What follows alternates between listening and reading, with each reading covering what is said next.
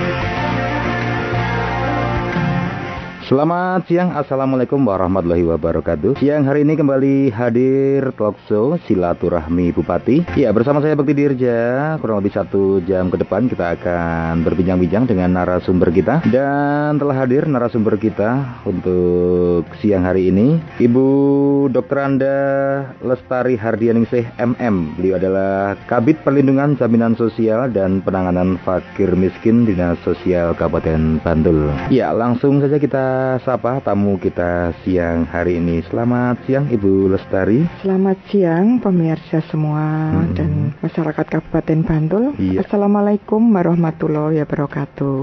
Ya, waalaikumsalam warahmatullahi wabarakatuh. Kabarnya sehat Ibu ya siang hari ini? Alhamdulillah sehat. Semoga masyarakat juga sehat hmm. apalagi di bulan puasa ini. Iya, betul. Semangat Kabupaten Bantul. Hmm. Iya, topik kita siang hari ini adalah mengenai pengentasan kemiskinan. Ya kalau bicara mengenai kemiskinan ini kayaknya sudah sangat familiar ya di mana-mana kemiskinan-kemiskinan dan tentunya banyak hal yang sudah diupayakan dalam uh, pengentasan kemiskinan itu. Ya. Untuk di Kabupaten Bantul sendiri seperti apa Ibu gambaran kemiskinan yang ada di daerah Kabupaten Bantul ini? Yeah, uh, terima kasih atas kesempatan ini. Mm-hmm. Kebetulan saya dari Dinas Sosial Kabupaten Bantul yang mana uh, menangani program perlindungan jaminan kesehatan dan fakir miskin yeah. dan juga ada kebencanaan ada di dalam situ. Mm-hmm. Nah, uh, jadi dalam hal pengentasan kemiskinan, materi saya pada siang hari ini, kami di Kabupaten Bantul, di Dinas Sosial khususnya, ada strategi penanggulangan kemiskinan. Yeah. Yang pertama, menurunkan beban pengeluaran. Yang kedua, meningkatkan pendapatan. Dan yang ketiga, pengurangan kantong-kantong kemiskinan. Mm -hmm. Nah, dalam hal menurunkan beban pengeluaran, misalnya dengan bantuan sosial yang ada di masyarakat sekarang ini, masyarakat uh, Kabupaten Bantul tentunya yang sudah terdaftar di data yang uh, data kemiskinan Kabupaten Bantul baik dari pusat maupun daerah. Misalnya ada program sembako mm -hmm. atau BPNT, PKH, program Indonesia Pintar, program bantuan dan asistensi lansia, program bantuan dan asistensi penyandang disabilitas, uh, dan jaminan sosial tersebut ada uh, beberapa hal terkait dengan pemberian bantuan uh, peserta bayar iur yang dari pusat hmm. atau JKN maupun yang dari APBD. Kemudian uh, untuk yang meningkatkan pendapatan itu uh, misalnya ada pemberdayaan perekonomian berbasis masyarakat. Hmm. Misalnya pengembangan potensi itu dari dinas-dinas OPD lain, yeah. ada Prudes, Bumdes dan sebagainya. Kemudian pengurangan pengurangan kantong-kantong kemiskinan Misalnya terdapat lokasi percontohan antara program perumahan dan perbaikan layanan dasar, misalnya program sanitasi berbasis masyarakat, program penyediaan air minum, program bantuan simulasi perumahan swadaya dan lain-lain. Tapi yang uh, terutama di Kabupaten Bantul Dinas Sosial terutama untuk penanggulangan kemiskinan, untuk jaminan dan juga untuk pengurangan kantong-kantong kemiskinan. Iya, Ibu Lestari, tadi Ibu sudah menyampaikan beberapa strategi ya untuk penanggulangan kemiskinan uh, di Kabupaten Bantul ini. Apakah ini langkah-langkah atau strategi-strategi ini yang dijalankan ini sudah cukup efektif Ibu untuk uh, mengurangi angka kemiskinan di Bantul sendiri? Memang kita selalu ada perencanaan. Hmm. Baik dari uh, tahun ke tahun itu selalu ada perencanaan uh, prosentase baik itu penurunan kemiskinan maupun perencanaan-perencanaan untuk penanggulangan kemiskinan. Hmm. Nah, perlu diketahui uh, di Kabupaten Bantul yang saat ini berpenduduk 964.245 jiwa Kemudian di data penduduk Bantul itu yang masuk di TKS, data terpadu kesejahteraan sosial mm-hmm. ada 548.167. Kemudian yang masuk data pensasaran percepatan penghapusan kemiskinan ekstrim ada 154.221 dan ada data kemiskinan ekstrim hasil verifikasi kaluran 24.296. beberapa data tersebut yang mana ini di Kabupaten Bantul ada data DTKS, kemudian ada data P3KE, data kemiskinan ekstrim. Ini sebagai langkah-langkah untuk mengetahui kantong-kantong kemiskinan di Kabupaten hmm. Bantul hmm. dan juga untuk mengetahui sasaran-sasaran yang akan dipakai untuk program penanggulangan kemiskinan. Nah, dari OPD-OPD yang ada di Kabupaten Bantul, kami juga sudah menyampaikan dari Kabupaten Bantul, Pak Bupati menyampaikan surat edaran untuk pemanfaatan data kemiskinan ekstrim sebagai data sasaran penanggulangan kemiskinan. Nah, ini sebagai langkah-langkah untuk pengentasan dengan program-program yang ada di masing-masing OPD. Perlu diketahui juga bahwa angka kemiskinan di Kabupaten Bantul dalam enam tahun terakhir ini, ini dari 2016 yeah sampai dengan 2022. Nah, hmm. terakhir 2021 itu ada 14,04 persen, yeah. kemudian 2022 itu ada 12,27 persen, hmm. sehingga ada penurunan 1,77 persen. Ini penurunan yang begitu besar bagi yeah. kami, terutama Kabupaten Bantul, dalam menurunkan angka kemiskinan. Nah, ini terkait dengan program-program pemberdayaan yang dari masing-masing OPD mereka punya anggaran digelontorkan untuk uh, penurunan angka kemiskinan sehingga masyarakat di Kabupaten Bantul bisa meningkat kesejahteraannya. Terutama ini bisa diketahui ada penurunan sebesar 1,77 persen. Hmm. Jadi semakin sejahtera untuk masyarakat Kabupaten Bantul. Oh, iya. Yeah. Ya berarti memang uh, eh, OPD OPD tidak hanya dari dinas sosial saja tentunya ya yang punya program-program untuk iya, uh, penanganan kemiskinan di Bantul ini. Iya. Nah ini perlu diketahui juga bagi mm -hmm. masyarakat Kabupaten Bantul bahwa dalam rangka penurunan kemiskinan di Kabupaten Bantul saat ini dalam capaian kesehatannya kami uh, di Kabupaten Bantul sudah UHC, mm -hmm. nih, jadi sudah mencapai predikat universal health coverage pada tahun 2022 ini dengan angka 96,67 persen. Sehingga uh, masyarakat Kabupaten Bantul saat ini karena sudah lebih dari 95 persen itu untuk kepesertaan jaminan kesehatan hmm. mereka sudah bisa terlayani apabila didaftarkan saat ini langsung bisa aktif untuk kepesertaannya uh, untuk program penanggulangan kemiskinan hmm. di Kabupaten Bantul, misalnya untuk kepesertaan penerima bantuan iur di Kabupaten Bantul, yang mana bantuan iuran jaminan kesehatan menggunakan basis data dari DTKS. Nah, PBI ini ada yang dari pusat, ada yang dari daerah, sehingga hmm. Kalau yang tidak masuk di dalam DTKS itu akan kita ikutkan dalam kepesertaan untuk program Kabupaten Bantul dengan APBD. Kemudian yang untuk jam kerja jam kerja Kabupaten Bantul mm -hmm. atau program jaminan bantuan pembayaran pembayaran biaya pelayanan kesehatan yang diberikan pemerintah daerah Kabupaten Bantul kepada masyarakat Bantul serta upaya pemberian jaminan kesehatan yang tidak bisa ditanggung oleh BPJS. Mm. Nah, ini juga ada upaya-upaya dari Kabupaten Bantul bila mana mereka tidak terdaftar di dalam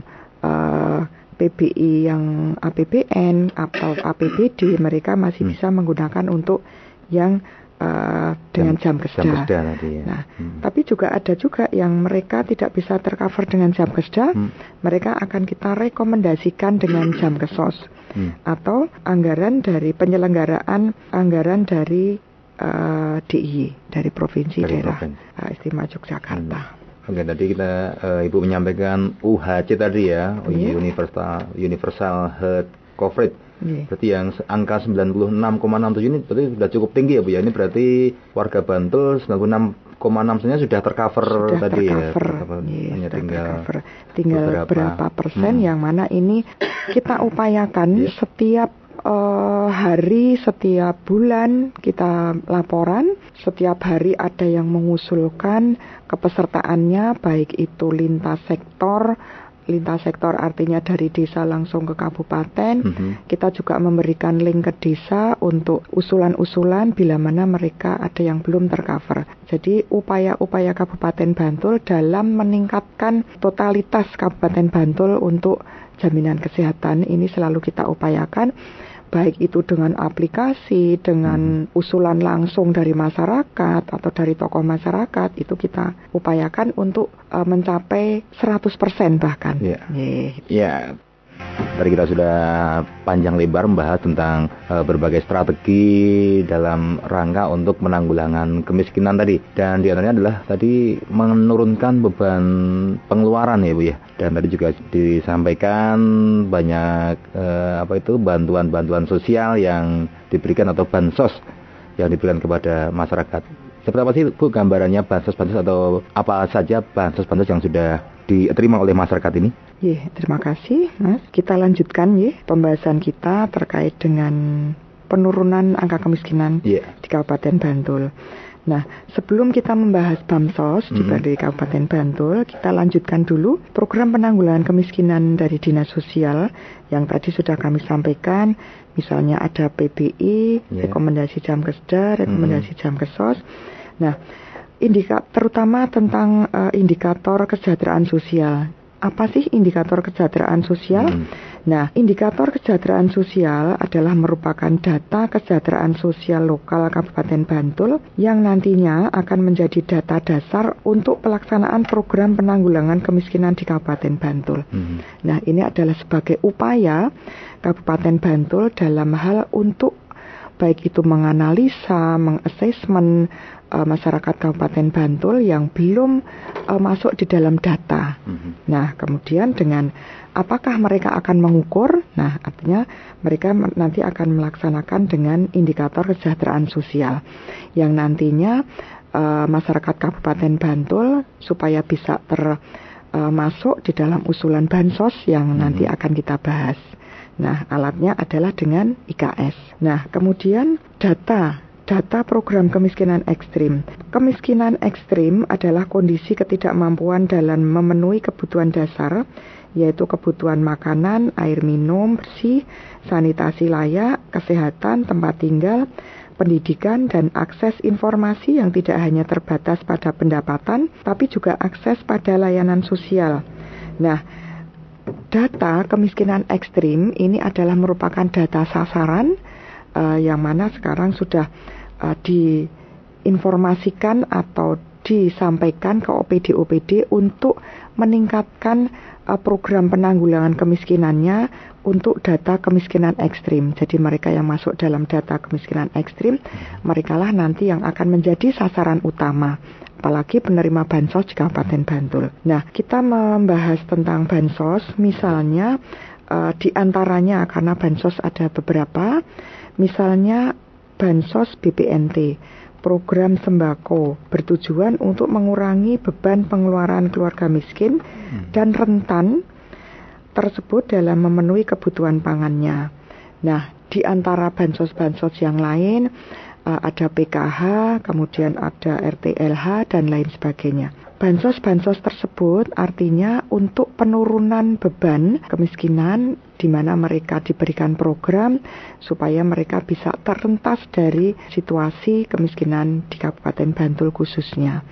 Kemudian eh, dengan adanya bansos tersebut masyarakat Kabupaten Banten Bantul meningkat kesejahteraannya itulah yang menjadi tujuan utama pemerintah dalam hal ini pemerintah Kabupaten Bantul. Kemudian uh, di sini juga ada implementasi program penanggulangan kemiskinan. Nah, seperti apa implementasi program penanggulangan kemiskinan?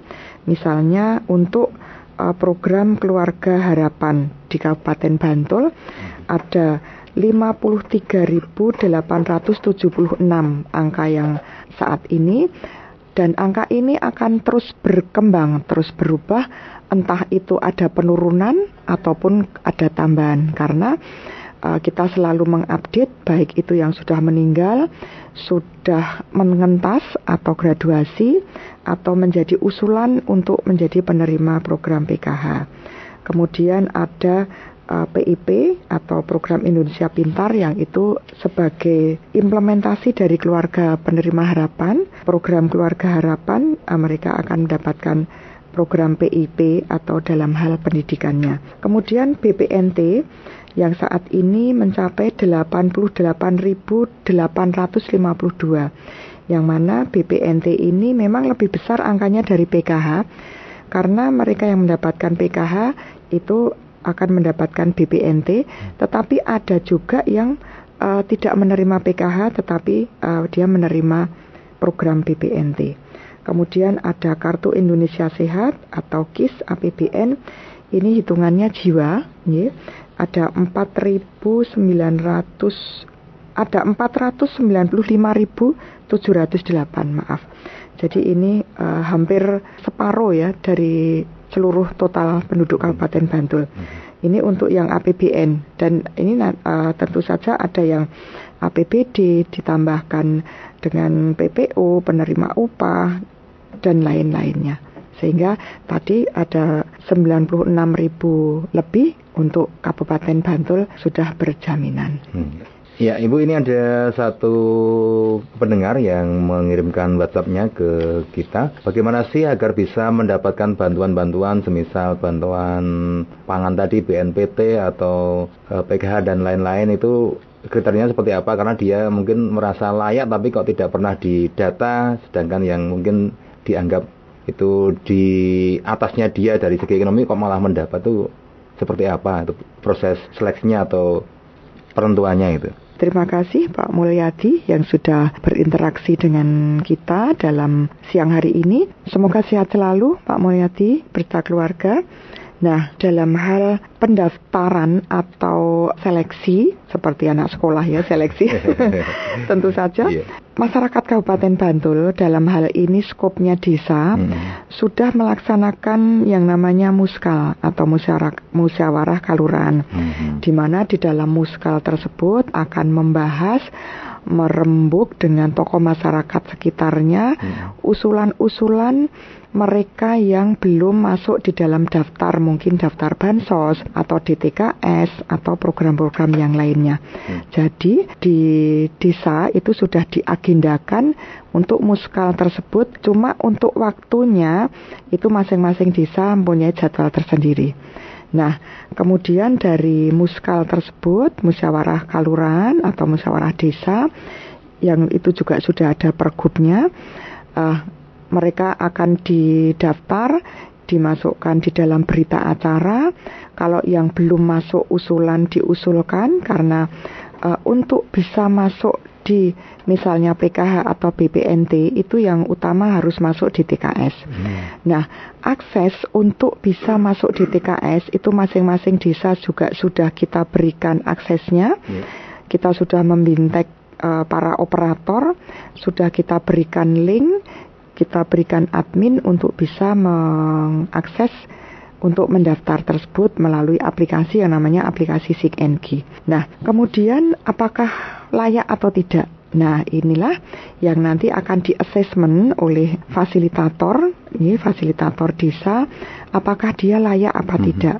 Kalau mereka tidak masuk di dalam DTKS, tadi sudah kami sampaikan ada IKS, indikator kesejahteraan sosial yang mana sebagai alat untuk meng, menilai menilai dia di klasifikasi berapa hmm. sehingga nanti bisa masuk di dalam usulan DTKS. Oke, berarti ya. dari masyarakat melalui muskal itu mengusulkan dan itu belum tentu ya yang sudah diusulkan itu langsung mendapatkan berarti masih ada dari fasilitator tadi ya yang akan menilai gitu ya Bu ya. Jadi, oh, jadi gitu. usulan-usulan tersebut nanti hmm. akan disampaikan ke dalam aplikasi, aplikasi kita usulkan ke pusat, pusat diverifikasi, divalidasi yeah. yang nanti akan muncul di dalam SK. Hmm, hmm.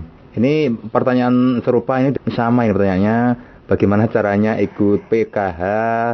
Ya, ini bagaimana syaratnya untuk ikut PKH begitu. Berarti yeah. sama ya udah. Hampir sama. Cuma sekarang mm-hmm. trennya trennya di iya. masyarakat yeah. itu kan uh, gimana sih caranya untuk bisa terdaftar di dalam PKH. Mm-hmm. Nah, Tetapi di Kabupaten Bantul ini dengan berbagai programnya sebetulnya sudah uh, nyun sewu ngawekani mereka yang tidak masuk di dalam PKH, tidak masuk di dalam BPNT itu akan ada uh, BLTDD. Hmm. Jadi pemerintah desa dengan uh, dana desanya itu sudah mengklasifikasikan uh, mereka yang tidak masuk di dalam uh, PKH, BPNT atau bansos lain yang dari pusat itu uh, akan dimasukkan di usulan Didi. Hmm. Nah, tentu saja itu atas usulan dari Musdes masing-masing desa. Itu sebelumnya dirembuk, apakah dia ada di dalam usulan, apakah dia layak,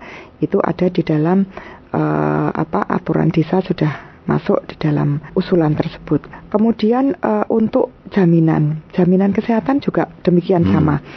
Mereka masyarakat Kabupaten Bantul yang tidak masuk di dalam PBI APBN, tidak masuk di dalam PBI APBD, kemudian mengalami nyun sewu sakit, yeah. sakit yang harus urgent masuk di rumah sakit. Hmm. Oh ternyata belum masuk di jaminan. Kami akan memverifikasi Uh, kemudian kalau memang dia layak itu akan kita usulkan untuk mendapatkan jaminan kesehatan. Oh iya, memang sudah apa ya? Uh, ada berbagai macam lah ini strategi yang dilakukan oleh pemerintah Kabupaten Bantul.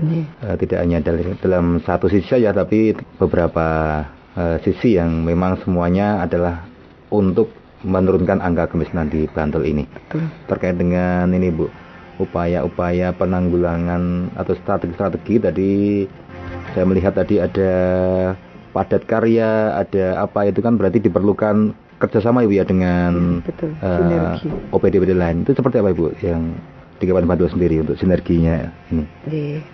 Terkait dengan sinergitas penanganan kemiskinan di Bantul, tetapi sebelum kita bahas apa sih sinergitas penanganan kemiskinan di Kabupaten Bantul, kita perlu tahu angka kemiskinan di Kabupaten Bantul enam tahun terakhir oh, iya. yang tadi sudah saya sampaikan biar hmm. uh, lebih jelas per tahun ada penurunan apa kenaikan oh, iya. sih udah berapa gelontoran anggaran hmm. yang sudah digelontorkan ya kemudian naik apa turun nah enam tahun terakhir uh, dari 2016 itu 14,55 persen hmm. kemudian uh, turun di tahun 2017 itu turun menjadi 14,07 persen. Yeah. Kemudian tahun 2018 turun lagi menjadi 13,43 persen. Mm -hmm. Kemudian di tahun 2019 turun lagi menjadi 12,92 persen. Tetapi di awal tahun 2020 seperti kita ketahui ada COVID. Yeah itu naik menjadi 13,50 persen, hmm. banyak pengangguran, banyak PHK betul, betul. dan sebagainya, uh, apa industri juga menurun. Nah itu ternyata juga mempengaruhi penurunan kemiskinan. Kemudian uh, tahun 2021 uh, eh, naik menjadi 14,04 persen. Ini dari COVID masih merangkak hmm. untuk masyarakat Kabupaten Bantul gimana caranya mengentaskan, gimana caranya mengembalikan situasi, produksi dinaikkan dan sebagainya.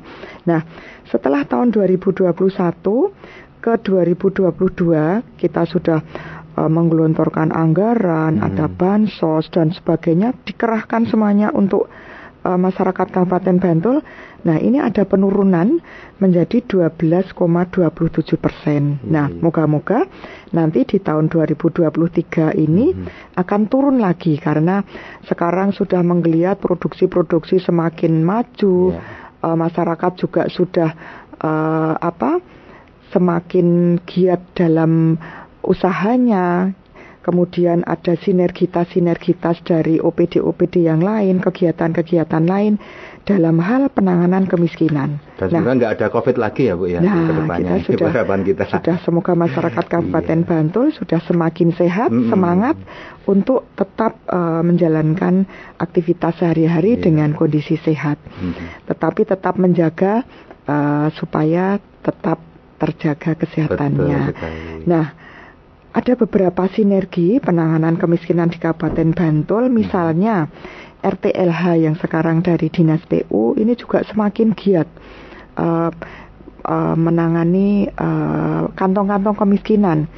Uh, mana yang sasaran-sasaran yang menjadi uh, prioritas dari kemiskinan ekstrim tadi, mm -hmm. ini juga sudah dilaksanakan oleh Dinas PU. Kemudian ada Disnaker Trans atau UMKM dalam hal pelatihan keterampilan. Hmm. Jadi masyarakat Kabupaten Bantul dilatih keterampilannya dengan uh, mereka diusulkan atau mendaftar dibuka kesempatan untuk mereka-mereka yang masih potensial supaya bisa mandiri dan meningkatkan uh, income-nya. Kemudian kalau sudah meningkat income-nya uh, pasti akan meningkat kesejahteraannya dan angka kemiskinan pasti akan berpengaruh dalam hal ini. Kemudian uh, jaminan kesehatannya ada jam keseda, uh, kemudian ada peningkatan usaha UHC tadi hmm. sudah saya sampaikan, kemudian ada program jambanisasi dari Dinkes yang mana ini akan mensasar semua uh, apa kantong-kantong kemiskinan mana sih yang masih belum uh, memiliki jamban? Nah, ini menjadi prioritas di Kabupaten Bantul. Kemudian ada padat karya dari dinas dinas uh, Disnaker, kemudian ada juga uh, dari dana desa, kemudian dari uh, dinas sosial sendiri ada boga sehat, hmm. yang mana sasarannya ada lansia terlantar, disabilitas terlantar, ini akan membantu sekali dalam uh, apa mengentaskan kemiskinan di Kabupaten Bantul. Sehingga uh, di samping uh, penurunan kemiskinan bisa turun, masyarakat uh, yang menjadi sasaran juga sehat. Lansia-lansia sehat, kita juga memprioritaskan mereka yang tidak tersasar oleh bansos-bansos tersebut. Kemudian uh, pemberdayaan disabilitas. Hmm. Jadi di Kabupaten Bantul terutama di yang ditangani di dinas sosial selalu berkoordinasi dengan baik itu provinsi dalam hal untuk uh, pemberdayaan disabilitas. Ada jam kesus yang mana koordinasi dengan provinsi, dinas kesehatan provinsi, kita upayakan uh, disabilitas itu tertangani baik itu bantuannya maupun fasilitasnya. Jadi di dalam jam kesus itu mereka dikumpulkan, diperiksa, hmm. difasilitasi ataupun mereka yang belum memiliki alat dalam uh, di, uh, jam khusus itu bisa terdeteksi dan itu bisa diupayakan untuk bisa dibantu alatnya. Kemudian OT atau orang terlantar di dinas sosial juga uh, menangani uh, OT ini, tapi moga-moga ini OT-OT-nya nggak banyak ya Mas ya. Tapi sekarang sudah menurun ya, menurun dari setelah COVID ini sudah tidak tidak banyak lagi, tidak sebanyak uh, kemarin tahun-tahun kemarin. Uh, kemudian pelatihan hmm. uh, dari dinas kesehatan, dinas kesehatan juga mengadakan pelatihan-pelatihan, terutama untuk kader-kader. Ini juga dalam rangka menjembatani untuk bisa sampai ke masyarakat untuk mendeteksi baik itu kesehatannya maupun penanganannya. Hmm. Jadi masing-masing OPD ini hmm. sudah bersinergi dalam hal satu upaya harapan dari Kabupaten Bantul untuk target penurunan kemiskinan di Kabupaten Bantul bisa turun uh, untuk tahun 2023 ini. Iya. Gitu. Ini ada tiga penanya lagi Bu ini yang iya. masuk lewat WhatsApp ini. Jika sudah pernah didatangi oleh petugas dari dinas sosial dan diminta data keluarganya, apakah sudah bisa dipastikan akan mendapatkan bantuan? Kemudian untuk PIP apakah harus mendaftarkan lewat sekolah? Oke. Okay. Jadi ini seperti halnya tadi ya Bapak yang menanyakan tadi data tersebut yang didaftar atau di assessment oleh petugas itu pasti akan dimusyawarahkan di desa. Hmm. Nah, setelah musyawarah ada mekanismenya masuk di dalam berita acara, baik itu usulan, uh, apakah sudah terdaftar bansos hmm. apa belum. Kalau belum juga diupayakan usulannya. Kalau sudah diusulkan melalui mekanisme masuk di dalam sistem keluar SK, nah itu nanti akan resmi menjadi penerima bansos. Tentu saja seperti itu. Tetapi dalam hal PIK, pendidikan ya, itu data dari pusat. Jadi kami dari Kabupaten Bantul menerima data tersebut dari pusat hmm. sehingga kami tidak bisa mendaftar untuk apa dalam hal segi kartu kesehatan itu. Yeah. Nah, tetapi kami mengupayakan untuk bisa mengedukasi hmm. bagi mereka yang sudah menerima ini sudah menerima tentu saja mereka akan mendapatkan fasilitas. Uh, mereka yang para penerima PKH itu tentu saja include di dalam penerima PKH tersebut. Mm -hmm. Tetapi ada beberapa misalnya untuk pendaftaran di sekolah-sekolah tertentu Yang... dengan mensyaratkan di dalam syarat-syaratnya itu, nah nanti dari kami akan mengedukasi mereka yang akan membutuhkan fasilitas tersebut.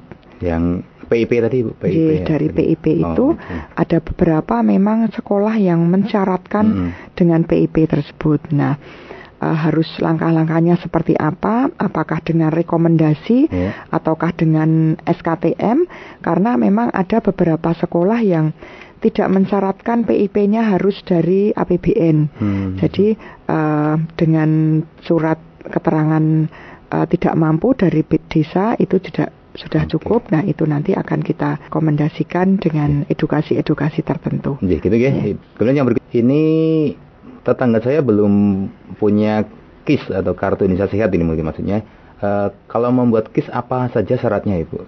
Nah, ini untuk mereka yang belum mendapatkan KIS, nah ini bisa nanti bisa ngecek yeah. dengan KTP karena uh, sekarang sudah diinformasikan mm -hmm. baik itu lewat puskesmas, baik itu lewat desa bahwa untuk bisa ngecek kepesertaan kesehatannya itu bisa dengan KTP. Okay. Jadi uh, dan masyarakat Kabupaten Bantul mungkin mm-hmm. ada yang belum tahu dia itu masuk uh, jaminan kesehatan apa enggak sih? Mm-hmm. Kok saya enggak diberikan kartu? Yeah. Karena sekarang dari pusat, dari BPJS pusat sudah tidak mencetak kartu lagi mm-hmm. untuk masyarakat uh, apa yang membutuhkan, tetapi cukup dengan KTP.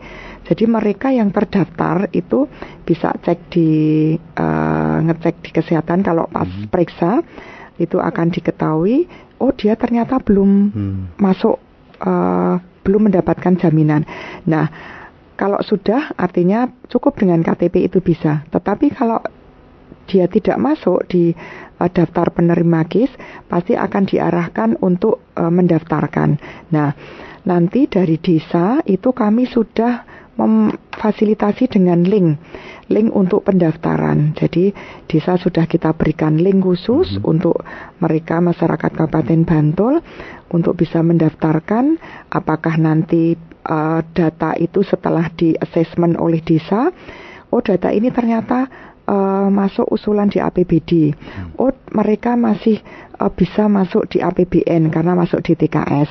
Oh, ternyata sudah tidak bisa uh, di APBD atau APBN sehingga bila mana membutuhkan bisa dengan jam kesda. Hmm. Ya, karena jam kesda sekarang untuk masyarakat Kabupaten Bantul bisa hmm. terlayani di semua puskesmas di Kabupaten Bantul. Hmm. Gitu gitu ya e, bisa dicek dulu melalui berarti NIK ya Bu ya pakai ya, NIK betul. ya. ya. Nanti kalau memang belum masuk ke pesertaannya bisa menghubungi desa. Jadi ada satu penanya lagi ini. Uh, bolehkah satu nama atau kakak itu menerima lebih dari satu jenis bantuan, misalnya PKH sekaligus BNPT begitu Ibu? Ya, terima kasih. Selamat siang Bapak. Siapa tadi? Bapak Taka, Taka di Bapak. Taka di Cepet. Iya. Semoga sehat selalu beserta keluarga ya Bapak. Jadi begini, memang untuk penerimaan ban bansos itu ada kombo yang namanya kombo. Hmm. Jadi yang pertama harus masuk di TKS. Setelah masuk di TKS mereka akan menerima PKH. Yeah. PKH juga ada PIP-nya, mm-hmm. kemudian ada BPNT-nya. Jadi bisa menerima dua uh, bansos PKH BPNT. Uh, kemudian uh, ada juga penerima BPNT tanpa uh, terdaftar di PKH BPNT murni. Jadi uh, intinya satu keluarga bisa menerima PKH, BPNT maupun uh, KIP itu juga bisa, Bapak. Hmm. Jadi uh, memang include ada di situ yang namanya combo Nih, Iya. jadi nanti transfernya, Bisa ya, nih, iya. transfernya akan Hmm. dikumbu oleh Oke. pemerintah pusat. Ya, masih ada waktu satu menit lagi mungkin Ibu untuk sebagai penutup perbincangan kita siang hari ini. Nih, terima kasih. Kita sudah mengupas terkait dengan sinergitas penanganan kemiskinan di Kabupaten Bantul supaya target penurunan di, di Kabupaten Bantul terutama untuk angka kemiskinan bisa menurun di tahun 2023. Nah, untuk di masyarakat Kabupaten Bantul yang utama adalah semoga selalu sehat Hmm, Amin. karena dengan kunci sehat kita bisa berusaha dan berupaya untuk mensejahterakan keluarganya. Nah, dengan kesejahteraan itu artinya akan terentas dari kemiskinan di Kabupaten Bantul pada khususnya. Semoga masyarakat di Kabupaten Bantul selalu sehat, selalu semangat Amin. uh, untuk upaya penurunan angka kemiskinan di Kabupaten Bantul. Iya. Mungkin itu Mas Iya, yang bisa kami terima sampaikan. kasih Ya. sekali Ibu Dr. Anda Lestari Hadiransi MM, Kabit Perlindungan Jaminan Sosial dan Penanganan Fakir Miskin Dinas Sosial Kabupaten Bantul sudah hadir siang hari ini untuk berbincang-bincang dengan kita mengenai pengentasan kemiskinan di Kabupaten Bantul. Saya Bukti Dirja, Amit undur. Kita berjumpa lagi di lain kesempatan. Selamat siang, wassalamualaikum warahmatullahi wabarakatuh.